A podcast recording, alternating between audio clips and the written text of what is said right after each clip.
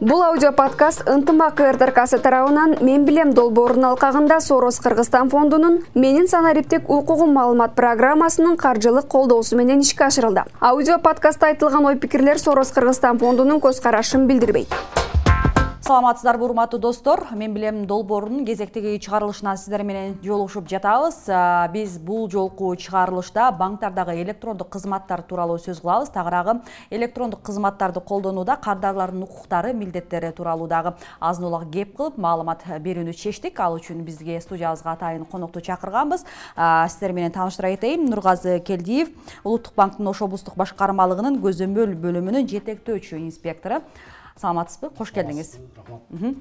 Биринчи ошол жалпы суроосун деги эле ошол баягы коммерциялык банктар түрдүү электрондук кызматтарды кардарларга сунуштап э колдонуп келебиз. А бирок алар ошол электрондук кызматтарды ошол колдонууга берерден мурун улуттук банк өз көзөмөлүнө алабы улуттук банктын уруксаты керек болобу. Мына ошолор боюнча айтсаңыз.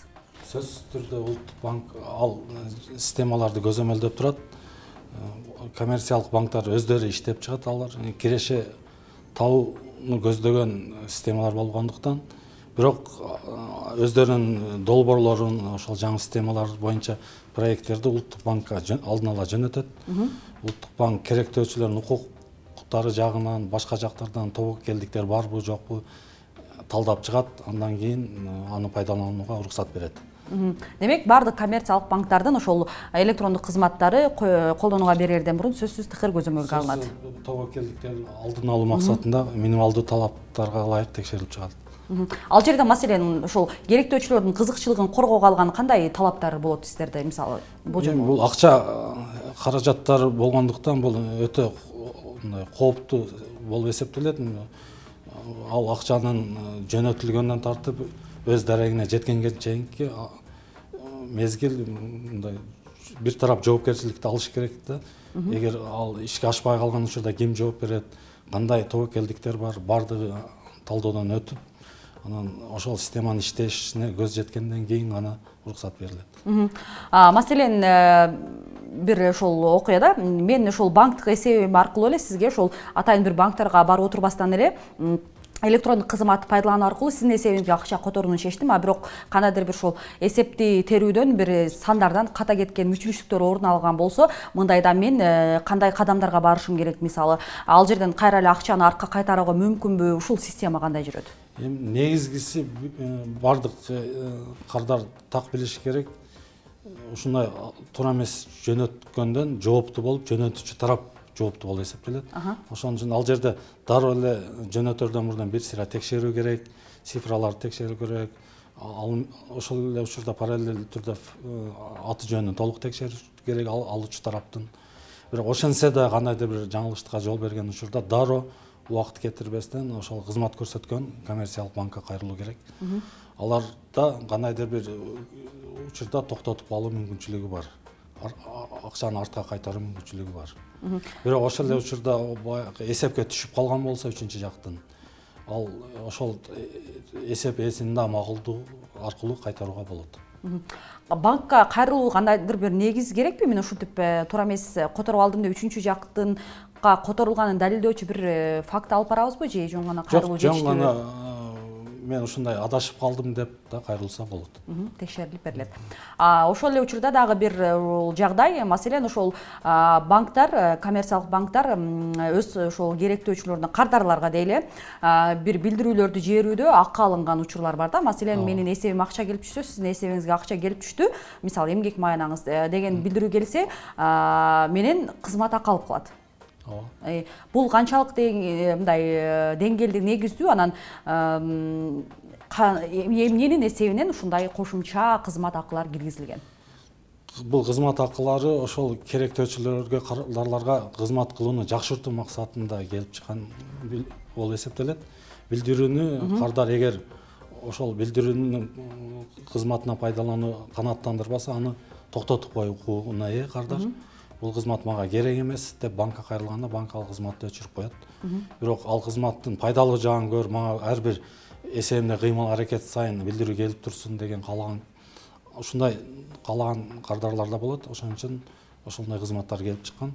Ал кызматтар дагы түздөн түз банк уюлдук байланыш операторлору аркылуу иштегендиктен кандайдыр бир чыгымдар болот ошол чыгымдарды жабуу максатында акы алынат. Ошол эле учурда азыркы учурда билесиз э, каалайбызбы каалабайбызбы ошол эл аралык акча которууларды пайдаланабыз. Сөзсүз түрдө миграция себеп дагы башка учурлардан улам ошол эле учурда мисалы электрондук акча которуу дейли маселен менин бир жакыным орусияны эле алып көрөлү. Орусиядан ошол мага акча котороордо кошумча банктын кызмат акысын ал жактан төлөп туруп которот да э. Бул жактан дагы айрым учурларда айтып келишет ал жактан кызмат акыны төлөгөндөн кийин бул жактан да биз кошумча төлөп калган учурлар кездешет депчи. Бул боюнча эмне дейт элеңиз? Негизи эл аралык акча которуу системаларында э, кызмат которгон уюмдун кызмат акысы бир тараптан гана алынат. Же жөнөткөн тараптан же алуучу тараптан эки тараптан кызмат алынбайт. Айрым учурлар кездешип калат. Мисалы ал жактан мисалы э, россия федерациясынан акча которулат. Бул жакта сом менен алуу боюнча ал жерде жөнөтүүчүнүн тандоосу болот да. Ал жактан э, сом менен алат деп коюшу мүмкүн. Бул жакта келишим негизинде ошол банктын курсунда бир аз айырмачылык келип чыгышы мүмкүн.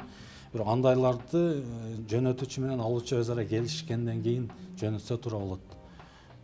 Эки тарап тең маалымат болгууга тийиш да бири бири менен кандай системадан жөнөтүп жатат анын ыңгайлуулугу кандай комиссиясы кандай негизинен бир тараптан алынат. Ошол эле учурда мисалы эми түрдүү банктарды билебиз ошол кошумча кызмат акыны түрдүү суммада алышат да негизи канча пайыз болушу керек?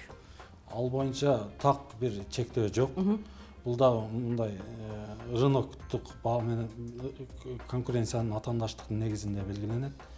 Башка эле товарлардын баасы деле э, мындай конкуренциянын негизинде атаандаштыктын негизинде белгиленген сыяктуу эле. Мисалы кайсы бир коммерциялык банк комиссияны жогору коюп койсо ал өзүнүн кардарларын жоготот. Ошол карта менен балким мага ыңгайлуу жерди карайм э башка банктардын кызматын пайдаланып акчаны ошол башка карта менен ала турган болсом мисалы кошумча кызмат акы алат э мисалы мен бир банктын картасы менен башка банктан акча ала турган болсом кошумча кызмат акы алат э бул эмненин негизинде иштелип чыккан да? Эмне үчүн мындай система иштейт бизде? Кардардын укугун бузганга жатпайбы ушул сыяктуу? Ар бир банктын өзүнүн колдонгон карта системалары болот. Ооба. Өзүнүн банктын сырткары учурда ал кандайдыр бир кошумча чыгымдарды талап кылгандыктан ошондой комиссиялар алынат. Ал эми кыргызстандын ичинде эл карт улуттук системасы бар. Ал жерде комиссия андай жогору эмес. Мисалы нөл алты пайыздан жогору эмес. Мисалы миң сом которууга банкоматтан акча алуу болсо алты сом чыгым бар. Андан тышкары кызматташтык топтору бар. Банктар кээ бир банктар өз ара төрт беш банк биригүү менен кызматташтык топ түзүшөт. Достук топтору алар бири биринен эч кандай комиссия алышпайт. Ошол карта алууда эсеп ачууда ошол банктын ошол шарттарын таанышып чыгуу туура болот деп ойлойм. Ошол эле учурда мисалы ири көлөмдөгү ошол э, банк картасы менен акча ала турган болсок айрым учурда кем да белгиленген суммадан кем өлчөмдө дагы алып калышыбыз мүмкүн. Көпчүлүк ал нерсеге маани бербейт. Кайра банкка кайрылбайт же ошол э, демек ушундай система менен катачылык менен минус акча алып калдык депчи. Мындай учурда банк э, кызматкерлери өздөрү кабарлашы керекпи? Кандай мындай кадамдарга барышыбыз керек да өзү байкалган учурда дароо банкка кайрылуу керек. Банк э, белгилүү бир мөөнөттүн ичинде текшерүү жүргүзөт. Ошол акча алынган банкоматта транзакция деп коет. Ар бир ишке ашкан операциялар э, ал жерде катталат. Ошонун кайсы ишке ашпай калган же жарым токтоп калган операция бар экенин аныктап ал эсеп ээси аныкталып эсебине кайтарылып берилет сөзсүз түрдө демек кардар дагы өзү байланыш кызыктар болуш керек. Ошол эле учурда банктан дагы банк өзү дагы белгилүү э, мезгил аралыгында ал жердеги ашыкча акчаны же кем акчаны аныктап эсебин жүргүзүп турушат. Ал жерде бир далил факты чогултуп барышыбыз керекпи мисалы? Мен ушундай учурга кайрылдым. жок анын кереги жок. Себеби ал жерде бир балким чек чыгарып берсе чекти көтөрө барыш керек деген сыяктуу. ал жоготуп алса деле эчтеке эмес. Себеби ал жердеги системада баардык операциялар сакталат ал жерде жоголуп кетпейт. Ошол эле учурда мисалы азыр биз электрондук кызматтар э банктардын электрондук кызматтары боюнча сөз кылдык. Ушул электрондук кызматтар боюнча керектөөчүлөрдүн кардарлардын кайрылуулары сунуштары же арыздары болсо улуттук банк өз көзөмөлүнө ала алабы сөзсүз түрдө болот. Биринчи кезекте ошол кызмат көрсөткөн банкка жазуу түрүндө кайрылуу керек. Эгер ал жерде кандайдыр бир э, жетекчилик арыз кабыл алуудан баш тартса ар бир филиалдарда э, коммерциялык банктардын өкүлчүлүктөрүндө даттануу китепчелери болот. Көз көрүнө турган кардар көрө турган жерлерде илинип турган болот. Ошол жерге жазуу түрүндө жазып кайрылып таштап кетсе болот. Ушундай түшүнбөстүктөр же бир кайрылуулар же бир нааразычылыктар келип чыкса сөзсүз түрдө улут э, коммерциялык банктардын өзүнө кайрылышыбыз керек деп атасыз. А болбо эгерде ушул э, жагдай ишке ашпаса анда улуттук банкка депчи.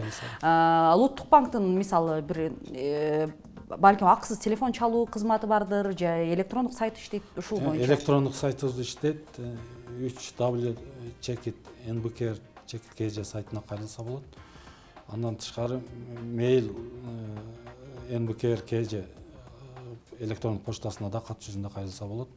Анан ош шаары ош областында жашоочулар үчүн улуттук банктын ош областтык башкармалыгына төрт сексен үч токсон эки номерине чалып ошол эле учурда азыр эми бул суроолор биз тараптан даярдалган э жарандардын пикирин эске алуу менен даярдалды. А негизи ушул силер кардарлардын керектөөчүлөрүнүн укугун коргоо жаатында э түрдүү ушул кырдаалдарды иликтеп аларды жөнгө салып жарандардын арыз муңдарын текшерип жүрөсүздөр да.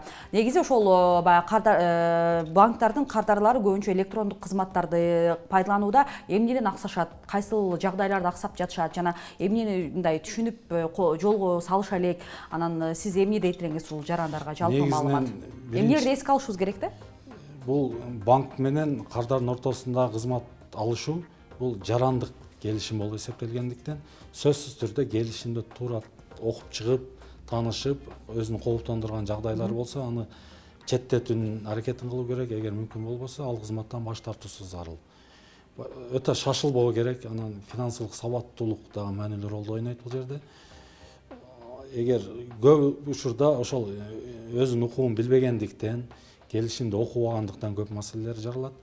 Андан тышкары өзүнүн карта эсеби боюнча же болбосо телефондук тиркемелер тууралуу маалыматты үчүнчү жактарга бербөө керек.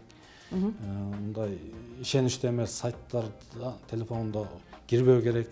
Себеби ар түрдүү маалыматтарды жөнөтүлөт сайттар whatsapp аркылуу киришет баягы өзүнүн жеке маалыматтарын башка тарапка алдырып жиберишет.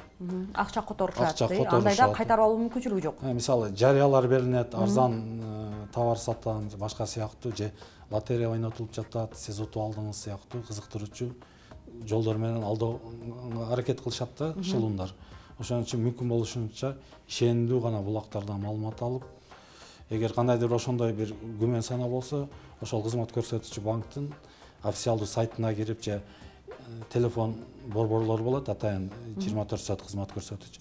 Ошолорго кайрылып алар ишенимдүү болгондон кийин анан ал кызматтарды пайдаланса болот. Ошол биздин адис айтып өттү эң биринчи кезекте сиз ошол банктар менен кызмат түзүүдө келишимге абдан маани бериңиз. Ошол эле учурда жогоруда айтып өттү э, баягы э, банктардын кошумча кызматтары маселен бири бириңизге акча которуулар болсо сөзсүз бир тараптан төлөнөт деген сыяктуу эрежелерди эске алыңыз. Ошол эле учурда электрондук кызматтар аркылуу акча которуу акча алууда сөзсүз түрдө жарандын которгон адис жарандын аты жөнүн эсеп номерин кылдат маани бериңиз деп эскертип өттү. Бул да болсо ошол сиздин керектөөчүлөрдүн өз укугун сактоону сактоону билгендин бир кепили болуп берет экен мындайча айтканда сиз көйгөйгө туш болбойсуз сиз электрондук кызматтарды көйгөйсүз жеңил ылдам ишке ашыра аласыз деп. Сизге чоң рахмат ыраазычылык билдиребиз. ушул жарандарга кыска анык так маалымат бергендигиңиз үчүн. Эсиңиздерге сала кетели урматтуу достор дагы бир ирет биз э, бүгүн мен билем долбоорунун кезектеги чыгарылышында ушул банктардын электрондук кызматтары боюнча сөз кылдык. Ал үчүн бизде студияда адис э, нургазы э, келдиев. Улуттук банктын ош облустук башкармалыгынын көзөмөл бөлүмүнүн жетектөөчү инспектору болду. Сиздер менен коштошобуз сак саламатта калыңыздар